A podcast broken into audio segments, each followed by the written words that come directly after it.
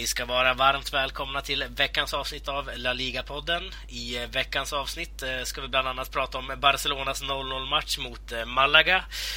Vi ska även prata om Champions League-matcherna som spelas nu i veckan och eventuellt Europa League-matcherna också om vi hinner då. Och vi ska även gräva ner oss lite extra i Atletico Madrid denna vecka.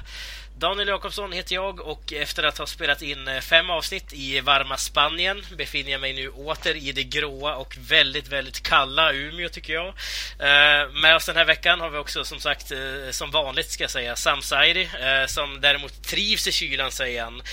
Hur är läget med dig Sam? Det är bra, jag trivs mycket bra i den här kylan.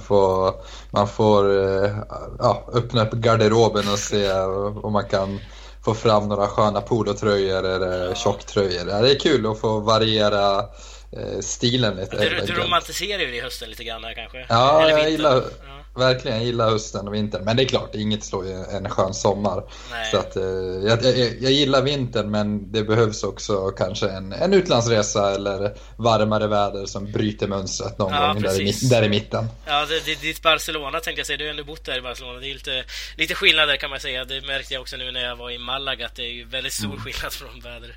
Eh, och mycket annat också för den delen. Eh, med oss den här veckan har vi även Alexander Ivanovski som gör sitt tredje inhopp i podden tror jag jag. Eh, det var ju ett tag sedan du var med senast, Alexander. Eh, men nu är du tillbaka i alla fall. Eh, hur känns det att vara tillbaka? Det känns underbart faktiskt här i kalla och gråa Spanien. Ja, kalla gråa Spanien. Ja, jag vet inte om man får klaga om man är i Spanien ja, faktiskt. Ma Ma Madrid det blir lite kyligt vid den här årstiden. Ja, det är väl en 7-8 grader på dagen. Minus ja, ett på natten. Så att... Är det så pass alltså? Ja, ja. Madrid sticker ut. Okay. Det går mot uh, sämre tider. Mm. Okej, okay, för i Malaga så var det ju ändå hyfsade grader. Jag menar, vi snackar upp mot 16-17 där. Eh, nej, det här är det Ja, det är lite mindre. Ja, just det. Men eh, och så, sen har man den här, det helvetet. Alltså, det är alltid så kallt i de spanska lägenheterna i och med att det saknas element, bland annat. Uh, men skitsamma. Jättekul att du är med i alla fall igen. Um, Kul att vara med. Ja, uh, vi ska hoppa på veckans uh, första programpunkt som alltid är veckans fråga. den här gången så är den inskickad av signaturen ska jag säga. Vi fick ingen signatur eller namn på den här personen så jag tog han som eh, tog det jag hittade i alla fall. Och det var Vildhösten Björnriket eh, har skickat in den här frågan. Och han gjorde det till laligapodden gmail.com. Eh, dit får ni jättegärna skicka era frågor, ämnen och synpunkter. Eh, så tar vi upp det nästa vecka. Eller så går ni in på vår Facebook-sida som är länkad här i artikeln. Ehm, men hans fråga lyder i alla fall så här. Ehm, skulle David Villa än idag kunna tillföra något i de spanska mittenlagen? Ehm, och han diskuterade själv att han skulle kunna göra det. Då. Jag, jag bollar över till dig Sam. Vad tror du? David Villa, om vi placerar honom i något lag i Spanien igen? Ja, med den eh, erfarenheten David Villa har och den rutin och målsinnet han besitter så skulle han definitivt kunna bidra till egentligen vilket mittenlag som helst i Spanien. Frågan är om det är värt att satsa på en David, David Villa som är 34 år och karriär, karriären är på väg ut för det. Han är ju inne på sina sista år här. Han har inte samma ryck längre. Han har inte den där samma goet som han hade när han bland annat var i Barcelona och Valencia. Eh, hade väl en helt okej okay sejour i Atletico Madrid, varken bu eller bä. Eh, men eh, ja, det är klart, rent kvalitetsmässigt, ja. Men jag tror man måste vara lite mer långsiktig i sitt tänkande. Så jag skulle inte rekommendera någon mittenklubb att ta, ut, eller ta in en David Villa. Inte en Sporting Gijon? Ja, kul att du säger Sporting Gijon, för det var faktiskt det jag hade i huvudet. Att Sporting Gijon skulle faktiskt kanske må bra av David Villa. Mer av nostalgiska anledningar, men också för att man ligger så illa till i ligan och Abelardo har ju inte fått till Sporting Gijon. Så att eh, där kan vi snacka kortsiktigt, men också av romantiska anledningar. Mm. Eh, jag bollar över frågan till dig Alexander, vad tror du? Eh, jag tror absolut att han hade kunnat eh, platsa in ett mittenlag. Jag tänkte lite jag tänkte lite på att han, han, jag tror att han hade lätt kunnat eh, han hade lätt kunnat eh, platsa i, i Sporting och speciellt eh, inte bara platsa utan det är väldigt behövligt också med, med tanke på ni sa var de ligger. Men jag tror att de hade, jag tror att, jag tror att han hade kunnat spela i något, i något mittenlag eller till och med eh, övre mittenlag. Eh, visst, han har inte samma snabbhet men eh, i och med att han, han jobbar hårt för laget och eh, jag tror ändå att han hade kunnat slänga in en tio baljor. Han kanske inte kunde, hade varit, han hade nog inte kunnat vara den primära målskytten. Men lite som han var i Atletico bakom Diego Costa, då, då fick han ändå in 14-15 mål. Eh, och, då, och då sa ju många också att han, att han var på nedgång. Men eh, han är ju... Han, är, han kanske blir en, en nya Dorit. Mm. Nej, men han har, det är ju lite så att El Guache, han har ju den här äh, förmågan som inte alla anfallare har, men han är en av de här anfallarna som har det här äh, sinnet för mål. Han står väldigt rätt och det, det, det där blir egentligen bara bättre med åldern. Så på många sätt är det där Vias alltså liksom rutin och spelförståelse i straffområde kommer ju säkert vara ännu bättre än vad det var i sina storhetsdagar. Så det är klart, han skulle slänga in några baljer utan tvekan mm sen får vi komma ihåg också, alltså han spelar ju i MLS nu och där gör han ju fruktansvärt bra måste man ju mm. säga. Eh, 41 mål på 63 matcher. Alltså, det är ju som, som du säger en 34-åring som springer runt där och MLS är ju en liga på uppgång. Det är ju inte en dålig liga längre som man kanske tänker många gånger. Mm. Eh, och det är ju, personligen skulle jag tycka dels Sporting Gijon skulle vara kul om man återvänder, men även Valencia faktiskt. Alltså de saknar ju en anfallare någonstans. Uh, man har Rodrigo där uppe, men jag menar det är ju inte den tunga anfallaren som kanske Valencia brukar profilera som är vanligtvis. Mm. Um, Nej, jag tror man gjorde ett väldigt stort misstag när man lät uh, Al gå och tog in Monir. Mm. Kanske inte just att man lät Alcacer gå, men, uh, men själva ersättaren till honom i form av Monir var ju mm. kanske inte det, det, bästa beslutet man tagit. Nej, precis som Negredo försvann ju där också. Som kanske inte bidrog lika mycket i och för sig, men... ja, Härligt. Eh, tack så jättemycket för frågan, Vildhussen Björnriket, om det nu är ditt namn. Jag ska inte lägga någon värdering i det, men det är det säkert. uh, och uh, som sagt, skicka in era frågor till laligaponden gmail.com så tar vi upp dem framöver. vi går vidare. Och jag tänkte att vi skulle snacka om Barcelonas ganska chockerande match ändå hemma på Camp Nou mot Malaga som slutade 0-0 här. Um, vi, vi, kan väl börja själva resultatet i sig här Sam. Varför gick det så här? Eller var, varför vart det som det vart? Ja, det, det, är en bra fråga och det är väl kanske en helt befogad fråga. Det, det, var många anledningar. Det var, för det första så var det inte Barcelonas dag. Det, det finns matcher där boll, bollen inte vill in och den här matchen mot Malaga var en sån match. Sedan så har Barcelona också jag vet inte om det är psykiskt, men det är någonting med Carlos Kameni eh, och det har med hans dagar från Espanyol att göra och han växer ju ut till ett fruktansvärt liksom, monster, en vägg eh, när han ställs mot Barcelona. Det spelar ingen roll att han är i Malaga eller i Espanyol utan det, det, är liksom, det är ganska återkommande det här och de fantomräddningarna han faktiskt gör, speciellt där tänker jag på Neymars nick i slutet, det, det finns bara inte. Och man ska inte glömma att Barcelona skapade lägen. Det har varit krisrubriker nu eller eh, spekulationer om att eh, utan Messi finns ingen kreativitet. Men Barcelona, jag var ändå ganska tillfredsställd med den här forceringen och den här flexibiliteten att eh, Barcelona tenderar ju när man trycker på för ett segermål att kanske fastna utanför motståndarens straffområde. Det här var lite skillnad. Det här lyfte man in bollar dels på en piké som hade klivit fram i banan men man kom också in med olika slags instick. Så jag är ändå väldigt nöjd med intentionerna. Sen är det ju bara små tillfälligheter eller små marginaler som gör att det inte blir 1-0 och att det blir 0-0. Ja, eh, om vi kollar på Malagas insats här då, Alexander. Eh, vad gör man rätt här? Alltså jag menar, kollar man på de senaste åren ändå. Det har slutat alltså 0-0, 0-1 till Malaga, 1-0 till Barca, 1-2, 0-0. Alltså det är ju väldigt tajt i de här matcherna. Vad är det Malaga gör rätt när de möter Barca? Eh, jag skulle säga det framförallt Barcelona, men det är också ofta mot, mot topplagen. Eh, mot Real Madrid och Atletico också. Det är, eh, Eh, de är väldigt tajta i, i försvarsspelet, vilket gör att man man kommer inte exakt till de, till de lägena. Sen när man väl kommer dit som, som Sam sa så finns ju en, en, en vägg i målet som, som alltid får, får stora händer när, när det kommer till räddningar. Sen kanske han gör sämre matcher mot de mindre lagen men han gör nästan alltid bra matcher mot, mot, mot topplagen. Eh, och sen så är man väldigt bra på att ställa om också vilket är en av anledningarna till att eh, man får med sig, eh, att man får med sig poäng. Ibland eh, vinster men även som du sa, de har spelat lika ett, ett x antal gånger också.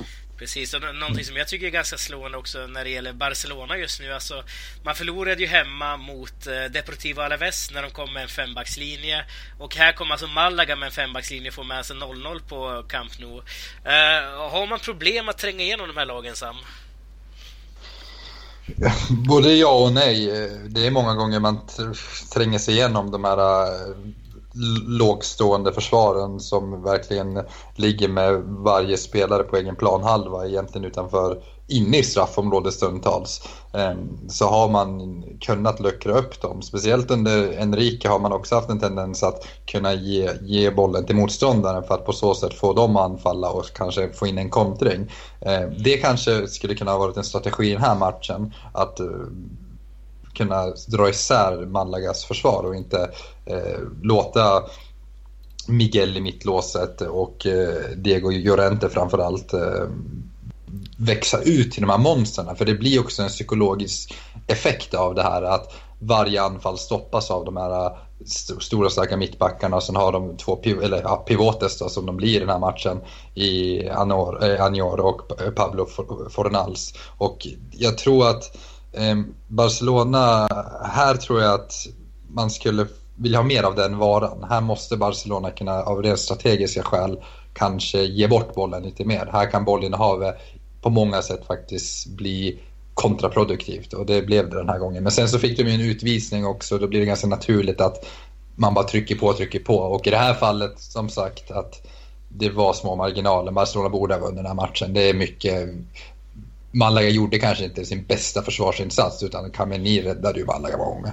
Ja, eh, vad säger du Alexander? Är det någon liten kris? Det är inte bara ett oavgjort resultat här. Men det har blivit de här rubrikerna vad jag förstått. Nu när Suarez varit borta, Messi, Iniesta och så vidare. Att man kanske inte har den truppen som man vill ha. Hur ser du på Barca?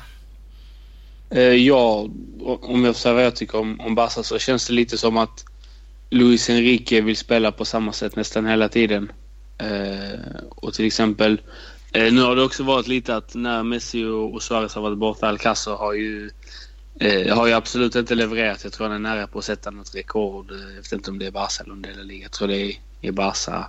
Han har, han har ju han har inlett otroligt dåligt och han gjorde väl ett mål som blev avblåst för offside mot Malaga om jag inte, om jag inte missminner mig. Eh, men samtidigt så är det också att jag tycker att eh, Luis Enriques laguttagningar ibland har varit lite konstiga. Med Peter till exempel eh, Rakic vid, vid, flertal, vid flertalet tillfällen när han, när han är en av de viktigare spelarna i, i anfallsspelet. I alla fall eh, och hitta fram de här passningarna. Så att jag, tror, jag, tror det är, jag tror det är en liten blandning. Eh, men som du, som du säger, man har en otroligt bra startelva. Men att bänken inte levererar. Eh, och då tänker jag framförallt då på den offensiva, den offensiva biten med Malkasso bland annat. Mm, mm, ja, jag håller med verkligen att, eh, Rakic, att inte Rakic startade den här matchen. Det var ju ett, eh, ett frågetecken som, ja, eller en, en problematik ser jag framförallt att han inte får det förtroendet för att han är ju en sån vital spelare för detta Barcelona. Ja, men, men sen, sen vill jag också... också. Mm, sen, tänk, sen, sen tänkte jag bara sticka in och säga att för att poängtera att Malaga är absolut inte ett dåligt lag. Så att, ja. Eh, ja, det är ver verkligen. Visst, Barcelona borde ju troligen gjort bättre, bättre ifrån sig med. Alltså Malaga är inget dåligt lag. Absolut. Atletico har haft jättesvårt med dem. Eh, Real Madrid har i alla fall, inte på Bernabéu men i alla fall på, på Malagas hemmaplan så har ju så har man kommit undan, ibland har man till och med förlorat men ibland har man kommit undan precis Alltså på centimetern eller ja. via ett mål, struntmål eller straffmål eller ja, vad som helst liksom. Ja, precis. Sen så, det är lite roligt, så möter de här lite mindre lagen så blir det som en svängdörr istället, att det går fram och tillbaka. Eh, som det jag såg mot Sporting Gijon på La Rosaleda så vann de ju med 3-2, men det var ju väldigt nära att man tappade den här matchen. Det var ju rött kort till Sporting som mer eller mindre avgjorde den bataljen. Eh, men vi ska faktiskt eh, sätta stopp här för del 1 och när vi är tillbaka ska vi snacka Atletico Madrid.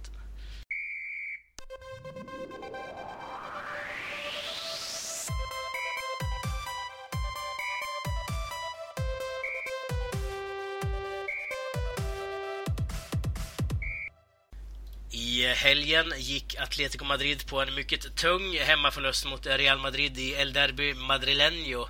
Eh, matchen slutade hela 0-3 till gästerna Los Blancos och den förväntade festen eh, på Vicente Calderón fick ju ställas in helt. Eh, Alexander, hur eh, skulle du sammanfatta det här derbyt? Ja, eh, jag skulle sammanfatta den med flera meningar men först och främst så måste jag säga att jag i början så eh, tve, tvekade jag lite på sidan. Eh, han har inte övertygat mig helt men jag har varit lite skeptisk mot, mot valet av honom. Men det känns som att han, att han ändå... Han börjar ändå visa liksom så här. Eh, för att innan, innan så pratade man mycket om att ja, men, eh, Real Madrid har inte mött något av de större lagen. Så här. Visst, de hade mött Dortmund, men i ligan. De hade inte mött eh, Atletico, de hade inte mött Barcelona och så vidare. Men nu vann de här. Eh, och det jag kan säga från, från Atleticos del var att för det första, de gick inte upp i pressspelet alls. Eh, samtidigt som eh, det var efter här, efter eh, landslagsuppehållet och Godin så ut och har, har lämnat hjärnan i, i Sydamerika om man säger så. Mm. Eh, men det var, det var först och främst inställning. Det kändes inte som att de, jag ska inte säga underskatta, för det kan man inte göra. Man ska inte underskatta Real Madrid heller. Men på något sätt så kändes det som att de inte riktigt var där. Nej. Även om man, eh, som du sa, många, många hade förväntat sig att det skulle vara en fest och jag tror till och med oddsen det var ju oddsen på att Atletico skulle vinna låg på 2,50 och att Real skulle vinna var ju tre gånger pengarna. Precis, och det var ju sista eh, derbyt också på Vicente Calderon, eller hur? Ja, precis. Man trodde att det skulle vara något extra så här och det började ju, det var ju en bra stämning men sen jag vet inte, det, det var en liten konstig känsla i luften faktiskt. Och sen när Eh, sen då när, när Ronaldo gjorde ett mål lite halvturligt efter studs i muren. Eh, så kändes det bara, jag vet inte, det känns som att allting dog. Eh, stämningsmässigt och, och så här. Och eh, sen måste jag, jag tror vi kommer komma in på det lite senare, men jag är absolut inte så glad till eh, att Torres fick starta matchen för jag han har inte, var, han har inte alls varit den han den han visade i slutet av förra säsongen och den Torres som fick skriva ett nytt kontrakt över denna säsongen också. Nej, det är, eh, precis, det är en diskussion i sig, hela Torres-grejen där. Alltså, vi har ju diskuterat lite grann tidigare och din kollega på Svenska fans också, Soran Soric, eh, har ju mm. varit med och diskuterat det här med oss också. Eh, men om vi säger så här, jag såg ju inte matchen. Jag satt ju på plan hem från Spanien. Mm. Um, hur, hur, upplevde du matchen Sam? Du hade ju ganska höga förväntningar innan matchen också. Att uh, Atletico skulle gå ut och vara lite så här som oddsen säger, att de skulle kanske vara favoriter. Uh, vi, vi tippade ju alla i podden förra gången att Atletico skulle vinna eller kryssa här. Uh, vad gick snett? Ja, med risk att liksom återupprepa det jag sa om Barcelona-matchen så små marginaler. Det får väl vara mm. Det jag, tema. Jag tänkte på det men jag ville inte säga det för jag vill Nej, inte men... låta för subjektivt. Men små Nej, marginaler. Nej men så är det verkligen. Jag, jag delar eh, Alexanders analys att Atletico kom inte upp i normalstandard, den här energin fanns inte som Simeone brukar vara så duktig att liksom implementera inför de här stora matcherna där man nästan bara dras med i den här atmosfären och där Atletico-spelarna jobbar ja, men några procent hårdare än vad sin motståndare gör. Det fanns inte på samma sätt. Men med det sagt är Atletico ett mycket bättre lag än vad de var när Simeone tog över. Det finns en helt annan kvalitet. Spelarna har också utvecklats på ett annat sätt. Eh, så att kvalitetsnivån har ju höjts och eh, Atletico var med i den här matchen. Man var till och med stundtals mycket bättre än Real Madrid. 0-3 speglar inte matchbilden. Och det är ju väldigt små marginaler som avgör där. Dels en frispark som liksom går i muren och går in. Eh, sen är det liksom två kontringar som egentligen uppstår väldigt så slumpartat. Eh, så mm. jag, jag tror inte man ska dra för stora växlar av den här matchen. Sedan så vill jag också spinna vidare på det här spåret att jag håller med att Zidane har ju fått in någonting och jag har också varit lite halvskeptisk till vad har han egentligen vad är hans prägel egentligen? Vad har han gjort i Real Madrid? Jag kan inte se någon riktigt så tydlig linje eller att det finns en tydlig spelidé. Men han levererar resultat. Det finns en harmoni och spelarna spelar väldigt avslappnat. Real Madrid känner ingen liksom det känns som att spelarna är avslappnade på ett helt annat sätt än vad de har varit tidigare. Och det gör att eh, när lag som Atletico också får ett favoritskap, då kan Real-spelarna spela på ett helt annat sätt. Även fast de har spelare som Ronaldo och Bale som är världsstjärnor så framstår de nästan inför matchen som att de är underdogs och det tror jag bara gynnar Real Madrid.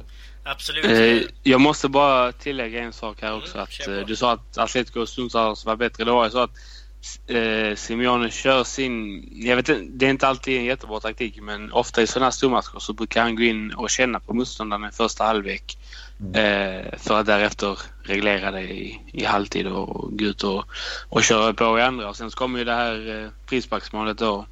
Eh, sen i andra halvlek så, eh, så spelar de överlä inte överlägset men de spelar väldigt, väldigt bra och de är ju Speciellt första kvarten. Det var ju helt Precis, första kvart, 20 minuter. Sen så kom ju det här, eh, den här straffen. Och mm. Simeone sa själv på presskonferensen efter matchen att det, det var där luften tog slut. Mm. Det var mer eller mindre. Sen kom 3-0 efter en, efter en kontring så att... Eh, ja, jag tror att hade man, hade man eh, hade man fått in en boll eller hade man inte fått straffen emot sig så tror jag att matchbilden hade varit helt annorlunda. Precis. Eh, nu, som sagt, jag såg inte matchen så jag litar på era omdömen här. Eh, men, men alltså, ni, ni, säger att det här är som en isolerad match, liksom. Att man kanske, det är slumpen som avgör och så vidare. Men om vi kollar på Atleticos formen då. Alltså, jag menar, de tre, tre av fyra har slutat med förlust i ligan. Eh, det var mot Sevilla och Atletico, eller mot eh, Sociedad och Real. Eh, och i CL så har man ju vunnit med uddamålet i alla matcher, alltså även mot Rostov hemma liksom. Ehm, finns det något strukturellt problem i Atletico Madrid just nu i Alexandra, eller är det bara slumpen varje vecka? Eh, jag skulle säga att det är något mitt emellan, men det finns, det finns moment. Eh, först och främst så har man blivit, eh, man har blivit sämre på, på att försvara vid inkast. Det jag tror två målen, eh, ett eller två målen i Real Madrid-matchen kom därifrån. Eh, I Sevilla-matchen tror jag också det var från, från ett inkast. Eller att, det, att spelet började från ett inkast. Eh, och eh, Simeone sa det då på presskonferensen att det, det, är så, det är någonting de har jobbat på. Godin sa det också att det, det är någonting de, de har jobbat på. Det, alltså alla... Det finns egentligen inte till, tillfälligheter utan alla, alla mål uppstår från en speciell typ av, av spel så att säga. Och det finns inte hur många typer som helst och just den här typen där man, där man är lite sämre, det, det är det man, man har jobbat på. Så att jag skulle... Jag vet inte, det känns som att man först och främst så har man inte samma intensitet och samma press som tidigare år. Jag tror att det, det är det som har påverkat dem och sen så har inte... Man har inte tänkt rätt i alla lägen helt enkelt. Man har varit lite slarviga och och så här. Men visst, ibland har det varit tillfällen som straff eller ja, som nu i... Ja. En liten blandning helt enkelt. Uh, men vad säger du då Sam? De ligger ändå sexa i ligan nu. Real Sociedad gick ju om bland annat. Ehm, håller säsongen på att glida ur händerna just nu? Ja, både ja och nej. Det är klart att det är väldigt känsligt att tappa poäng så här nära in på juliuppehållet också, nu är det några matcher kvar. Eh, men eh, jag tycker att det är en intressant fråga det här med om, om det finns en slags struktur eller om man kan se ett mönster eh, i, den här nedåt, ja, i de här speciellt två matcher då, som man har förlorat i rad nu. Och jag, jag håller inte med riktigt beskrivningen att problemet ligger att man bara vinner med uddamålssegrar utan man får inte heller glömma bort att man liksom kommer från eh, ja, några veckor sedan, någon månad sedan liksom slog man lag med 5-0, man vann med 7-1 hit och dit och man tänkte ja men nu har det ju släppt här att man har fått in en eh, målskytt, Griezmann har tagit ytterligare steg. Eh, det var ju också uddamålssegrar mot stora lag som Bayern München bland annat. Men sen så, så har man någonstans av den här gamla problematiken kommer tillbaka och där tror jag att det finns en poäng i det du säger Daniel. Att Gamero startar inte den här matchen, man kör en gammal Torres. Och då väcks den här frågan återigen. Saknar Atletico den här äh, naturliga målskytten som kan avlasta Griezmann? För det är ju lite där Atletico har haft sin, sitt problem. Att man har varit otroligt skickliga på att försvara sig.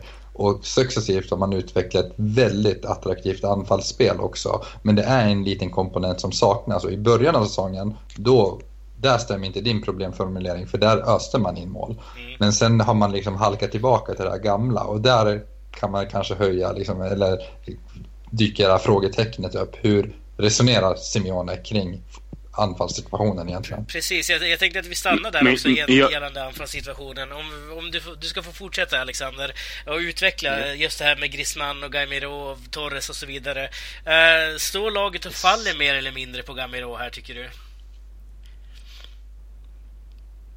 Uh, jag skulle säga så här att det är inte bara på Gaimiro. Alltså, han värvades in för, för, att göra mål och han, han, alltså han har gjort mål men han har inte gjort något, något direkt avgörande mål eh, mm. i de här 1-0 matcherna. Så här. Men det känns som att nu har ju Simeone fått mer eller mindre spelarna han vill. Han vill inte ha Diego Costa istället för Gamero. Eh, men mer eller mindre han har fått de spelartyperna han vill ha. Men det känns som att Simeone, som du sa att de... Han vill att laget ska spela mer defensivt. Men, eller mer offensivt nu när de har så här starka offensiva spelare.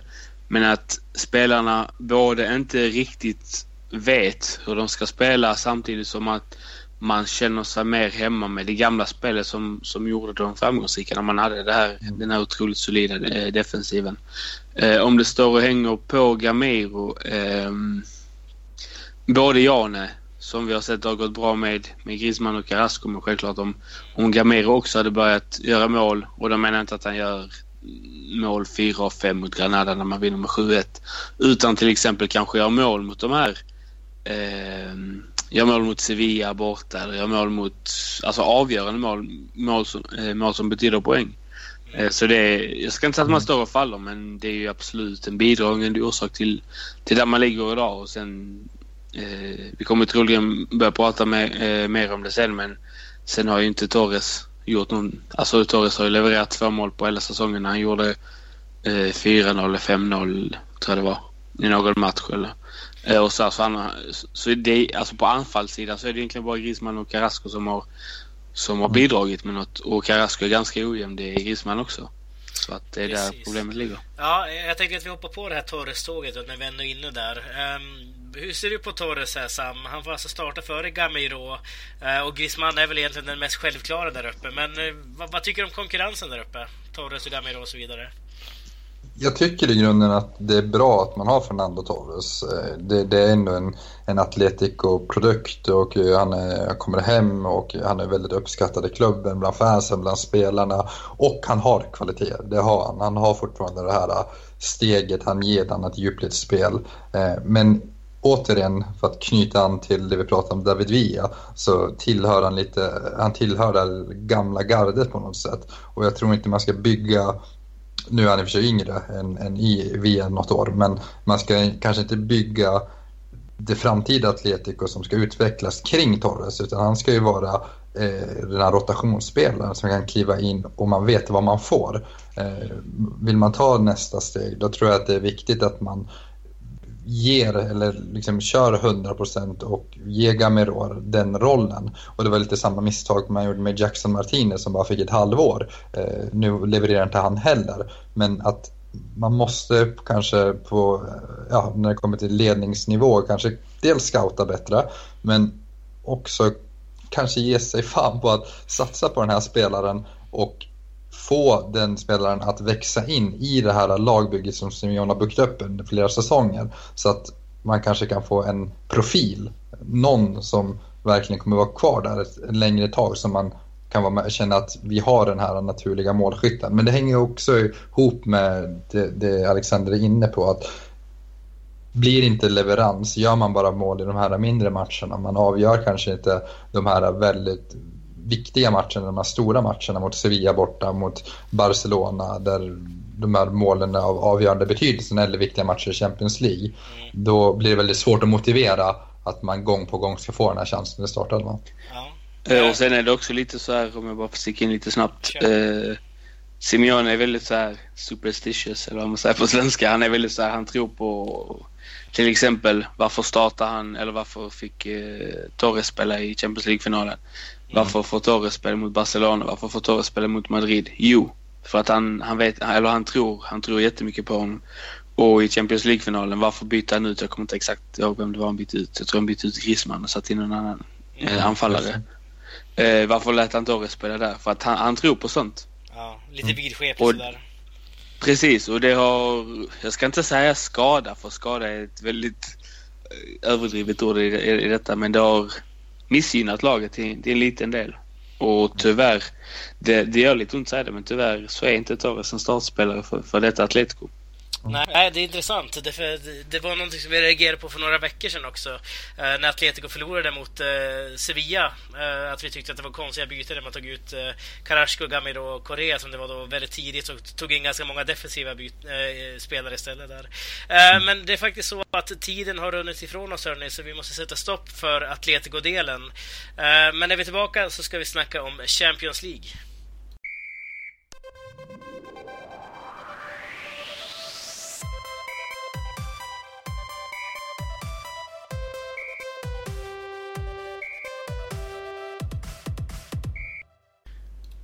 I denna tredje och sista del ska vi lägga det sista krutet vi har på Europamatcherna som spelas nu i veckan eh, och då med fokus på Champions League och eh, vi kommer även nämna Europa League om vi hinner. Jag är ytterst tveksam mot det dock, eh, så förmodligen så blir det bara Champions League-snack denna vecka. Ehm, för bara några minuter sedan så blåses kvällens matcher av och det var matcherna mellan Sporting Lissabon och Real Madrid samt Sevilla mot Juventus. Eh, om vi börjar eh, någonstans och landar i den här sistnämnda matchen här, alltså Sevilla mot Juventus. Um, hur tyckte du den var, Sam?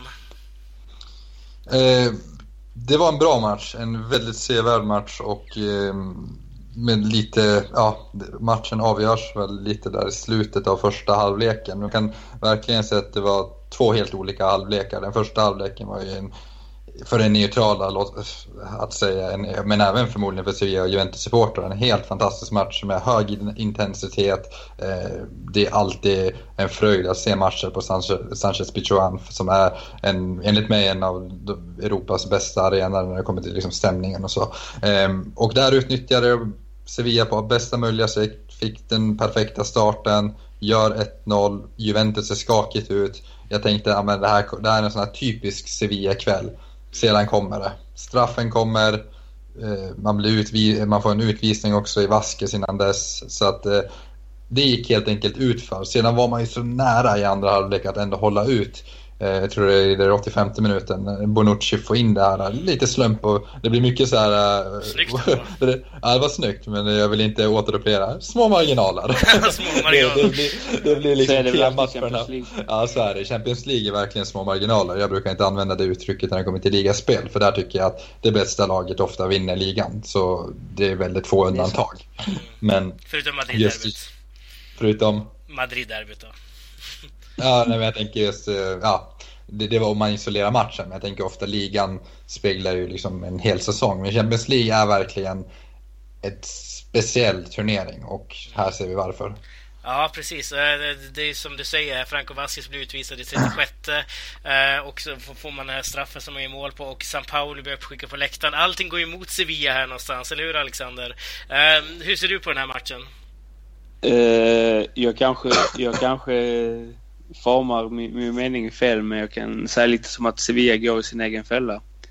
Eller inte egen fälla. Men Sevilla har alltid varit det här. Spelat med, med hög intensitet, eh, kämpar väldigt mycket. Eh, mm. även när de, även när de eh, var en man mindre eh, och så vidare. Men det jag tycker att de spelar oavsett vilken tränare de har haft eller på senare i alla fall. Sevilla har alltid varit det här, ni vet det här laget som spelar tufft, intensivt och så vidare. Och har man, ett, har man då ett gult kort, ett, mm. ett gult kort som, eh, som Vasquez har så gör man inte en sån tackling på mittplan. Alltså det är, jag vet inte om ni kommer ihåg, men det är ungefär som den här tacklingen som Torres gör mot, mot Barcelona förra året när han får rött kort på Camp Nou. Alltså, det, han, han var övertänd och det, det, det blir ofta, eller det blir det blir ofta fel när man, när man är övertänd och sen eh, Sen så är de ju väldigt intensiva Sevilla och eh, som sagt först eh, utvisningen och, eh, och, och sen straffen och ja, sen, sen blev det som det blev.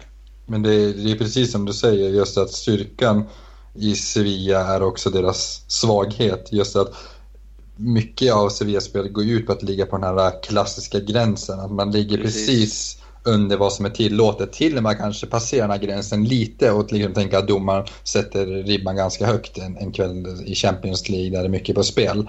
Men just när man kan behålla den kylan och ta de här två, två helt onödiga gula kort, speciellt det andra, då blir ju just den, det som gör dem så starka gör att förinta dem i slutändan eller gör att de förlorar den här matchen. Och eh, där tror jag att där påminner ju San Paolo och Simeone väldigt mycket varandra. De brukar vara väldigt mm. duktiga på att hitta den här ribban. Att, att ligga precis under vad som är tillåtet och komma upp precis vid gränsen. Men sen så, det är alla människor, det är individer på fotbollsplanen. Att ibland går det inte som det är tänkt och då, då, då blir det så här. Men det, det var ändå surt att man inte lyckades säkra avancemanget. Nu får man ju den här ödesmatchen man hade velat undvika. Ja, precis. Jag... Det ska man väl ändå vinna. Ja, jag tänkte ja. kort lite ska snacka om den också innan vi går vidare till den andra matchen. Uh, man möter alltså nu Lyon i nästa match som är alltså sista matchen, den avgörande matchen borta i Frankrike. Uh, ursäkta. Förlorar man med 2-0 i den här matchen så är man ju då ute ur Champions League trots att det har gått fantastiskt bra under hela hösten här. Uh, varför hamnar man i den här situationen Alexander och tror man tar sig vidare? Eh, som jag stack in med för för ett par sekunder sedan så tror jag att man, jag tror man löser det. Mm. jag skulle inte säga att man kanske inte går och, och vinner med ett stort resultat för att Lyon är ändå ett duktigt lag. Mm. Men jag tror absolut att man kan, man kan kryssa sig till ett resultat på bortaplan. Jag tror eh, det, man kan väl också förlora med 1-0. Om jag inte missminner mig. Precis, det, det har man råd att förlora. Det är eh, inbördesmöten som gäller. Ja, precis. Och då, då kommer jag samma... Nej, det, jag vet inte. Det känns som att, som ni sa, jag tror det var, eh, det var ju första, första insläppta målen i deras Champions eh, League, i Champions League denna säsong. Mm. Och då passar man på att förlora också. Mm. Eh, så jag, jag, vet inte, det, det känns lite, känns, det känns lite konstigt att det har gått bra men, men ändå inte liksom. Nej, precis. Eh, men ett annat lag som däremot har säkrats från Spaniens sida avancemanget är ju då Real Madrid eh, som borta besegrade Sporting Lissabon med 1-2. Eh, det var ju mer eller mindre klart redan innan att de skulle ta sig vidare ändå, men nu är det i alla fall spikat i sten att de är vidare. Hur var den här matchen Sam? Hann du se den här någonting? Nej, jag försökte sappa lite och multitaska men det gick inte så bra. Men Eh, ska väl försöka göra en analys baserad på erfarenhet av Real Madrid. hur, det, hur det segrar ser ut. Så, nej, eh, det var det var ändå starkt. Sporting Gijon, jag tänker framförallt första matchen de mötte Gijon, eh, nej, vad säger jag, Sporting Lissabon. Ja. Eh, i, på Bernabéu så kommer man ju undan med nöd och näppe och Sporting spelade ju riktigt, riktigt fin fotboll. Nu det känns det som att det blev nästan baserat på resultatet, samma matchbild och Benzema avgör där på slutet. Ehm, men som sagt, det var inte så mycket att spela för utan det intressanta i den här gruppen handlar ju om första platsen där vi får en direkt avgörande match eh, i sista omgången. Så det blir kul att se. Ja, precis. Eh, hann du se någonting av den här matchen Alexander? Eh, jag ska vara helt ärlig, jag såg den andra matchen i, i den gruppen. Dortmund eh, mot eh, Legia Warszawa. ja, det, då valde du ju rätt match kan man ju säga i alla fall. 8-4. Ja, eh, nej den, den slutade 8-4 och det är ju rekord i Champions League. Ja, just det. det... På antal mål i, i matchen. Det var väl eh, Liverpool innan väl... tror jag. 7-0 eller något sånt där mot Besiktas. Mm. Nej, jag ska, vara, jag ska vara helt ärlig. Jag, mm, jag såg matchen, jag hade den lite på min iPad och eh, det var inte mycket jag såg av den men det kändes som att eh, det, av det jag såg i alla fall att, eh, de, att de kom undan med i, vad heter det, i nöd och näpp. Eller vad man säger. Ja, precis. Eh, med nöd och näpp, ja. Eh, men ehm, okej, okay, det, det, var väl svårt att analysera en match. Ingen av oss har sett riktigt här. Uh, men om vi kollar på jättekort, jag ser att vi redan nu har börjat få dåligt med tid här. Uh, men uh, de andra matcherna som kommer nu imorgon, alltså ikväll när det här programmet sänds, alltså Atletico Madrid spelar ju och Barcelona spelar. Så jag tänkte att vi ska välja en av de här matcherna och det är väl Atletico är redan klara, så den kanske vi kan lämna. Vi snackar lite grann om Atletico.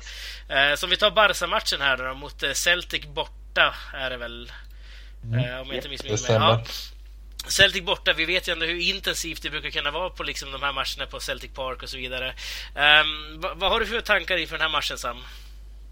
Ja, nej men man vill ju inte få, man har ju de här äh, mardrömsmatcherna när Celtic ställer upp spelarbussen och Barcelona inte kan luckra upp försvaret och eh, ja, gneta till sig 0-0 till och med med kontra in ett segermål. Så det får ju inte hända och Barcelona behöver kanske ett, ett tidigt mål och eh, Luis Enrique tror jag, han måste få bukt med, det här, eh, med den här Hawaii-fotbollen och den här oförmågan att kontrollera ganska säkra matcher. Bland annat det vi såg mot Manchester City. Så att eh, det, är en intressant match men jag tror Barcelona kommer ja, vara lite revanschsugna sen fadäsen mot, eh, mot Malaga i helgen. Så det blir seger och man säkrar då avancemanget. Så, ja, precis. Ja. Det, det, skulle däremot vara ganska intressant för gruppens skull och för de neutrala kanske. Eh, ifall mm. Gladbach vinner över City och Celtic slår Barca, då får vi en väldigt ja, öppen grupp istället. um, hur ser du på den här gruppen, Alexander? Eh, ja, alltså, jag vet inte exakt hur, hur, ställningen ser ut, men det känns ju som att, eh, som sagt, det kommer inte bli, bli lätt för, eh, för Barcelona eh, mot Celtic, vilket vi har sett tidigare också. Men jag tror ändå att eh, även om både Gladbach och eh, Celtic är två bra lag så tror jag i slutändan att det blir, att det blir City och, och Barcelona. Kanske inte så... Nu vann ju Barcelona med 7-0 på hemmaplan men man vet ju om att det är en helt annan grej att spela på, på Celtic Park. Precis. Eh, men jag tror att de... Jag tror att både City och, och Barca kommer gå vidare ganska kom, eh, komfortabelt. Ja, tror du man kan vila några spelare här då, Alexander? Barca, har man råd med det? Med, med tanke på hur det ser ut i, i helgen mot Malaga så skulle jag väl inte säga att så skulle jag väl inte våga, våga säga att man, att man skulle kunna det. Men eh, jag vet inte exakt hur det ser ut på, på skadefronten. Är, är Messi tillbaka till den matchen? Ja, han ska vara tillbaka tror jag. Ehm, och eh, man har ju också eh, vilat många spelare om man säger så. Nu vet man inte hur, huruvida det var att Rakitic vilade, eh, men han kommer förmodligen starta den här matchen. Sen kommer väl Suarez tillbaka också. Så att, eh, ja, det blir, jag tror jag är inne på samma analys. Man kommer inte chansa att spela med något reservbetonat lag, vad det nu är, eftersom det roteras väldigt friskt i Barcelona för tillfället. Eh, men jag håller med dig Daniel att eh, det skulle vara väldigt roligt på både gott och ont att om Celtic slår Barcelona och, och München Gladbach slår, slår City, då blir det ju en fantastisk sista omgång. Ja, verkligen. Det ska bli väldigt kul att se. Eh, Celtic kan ju aldrig rubba Barsas plats, men de kan i alla fall ta de andra platserna. Eh, en plats vidare ifall de vinner mot både Barca och eh, vilka de nu har i sista vet jag inte.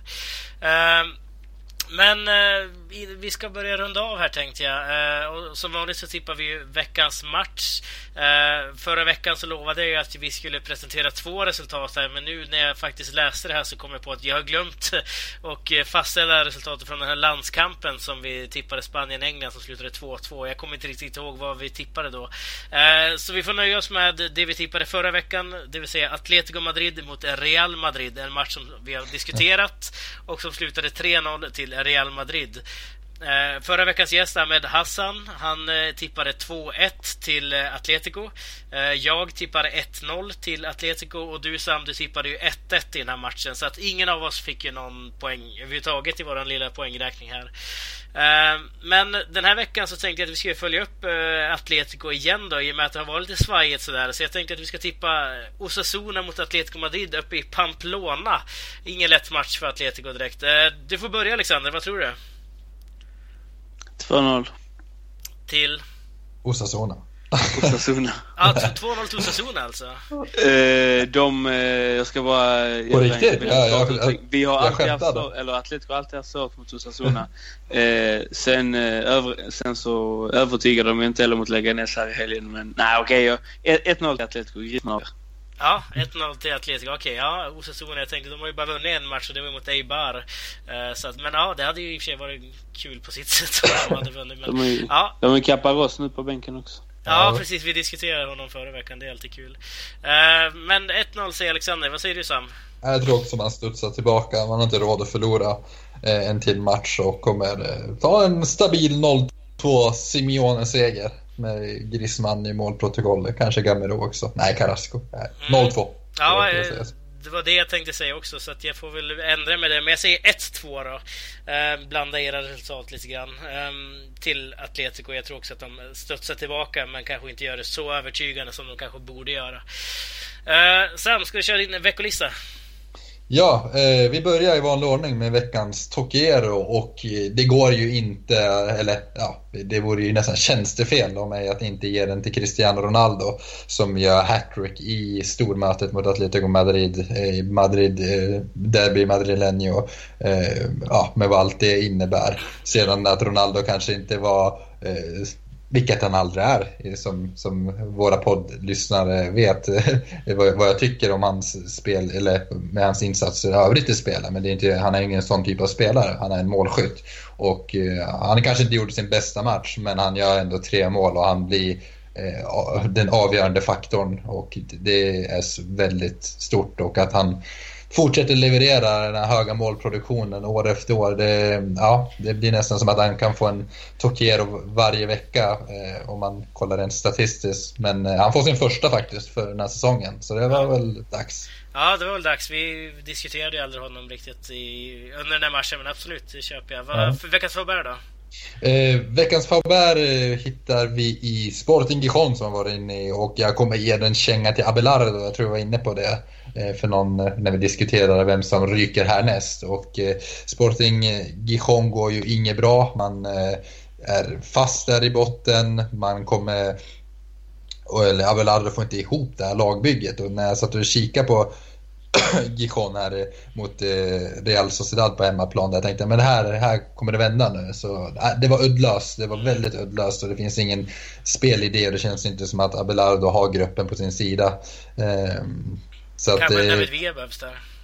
Precis, så att eh, Abelardo och Sporting Gijon tar veckans favör. Ja, precis. Det lär inte bli lättare nästa vecka när man möter Real Madrid på Bernabéu.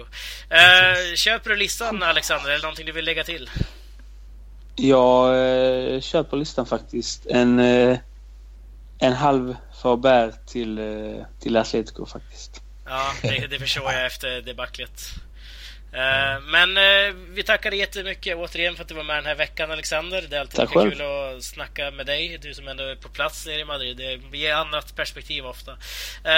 Och tack till dig också Sam för att du var med. Vi hörs ju nästa vecka och det gör vi andra också. Då är vi tillbaka med ett nytt avsnitt, en ny gäst, eh, nya programpunkter. Eh, vill ni hjälpa till och bidra eller kanske påverka den här podden så skicka ett mejl till laligapodden gmail.com med era ämnen, frågor och synpunkter så tar vi upp dem nästa vecka eller skriv till oss på Facebook. Tack så jättemycket för oss. Hej då!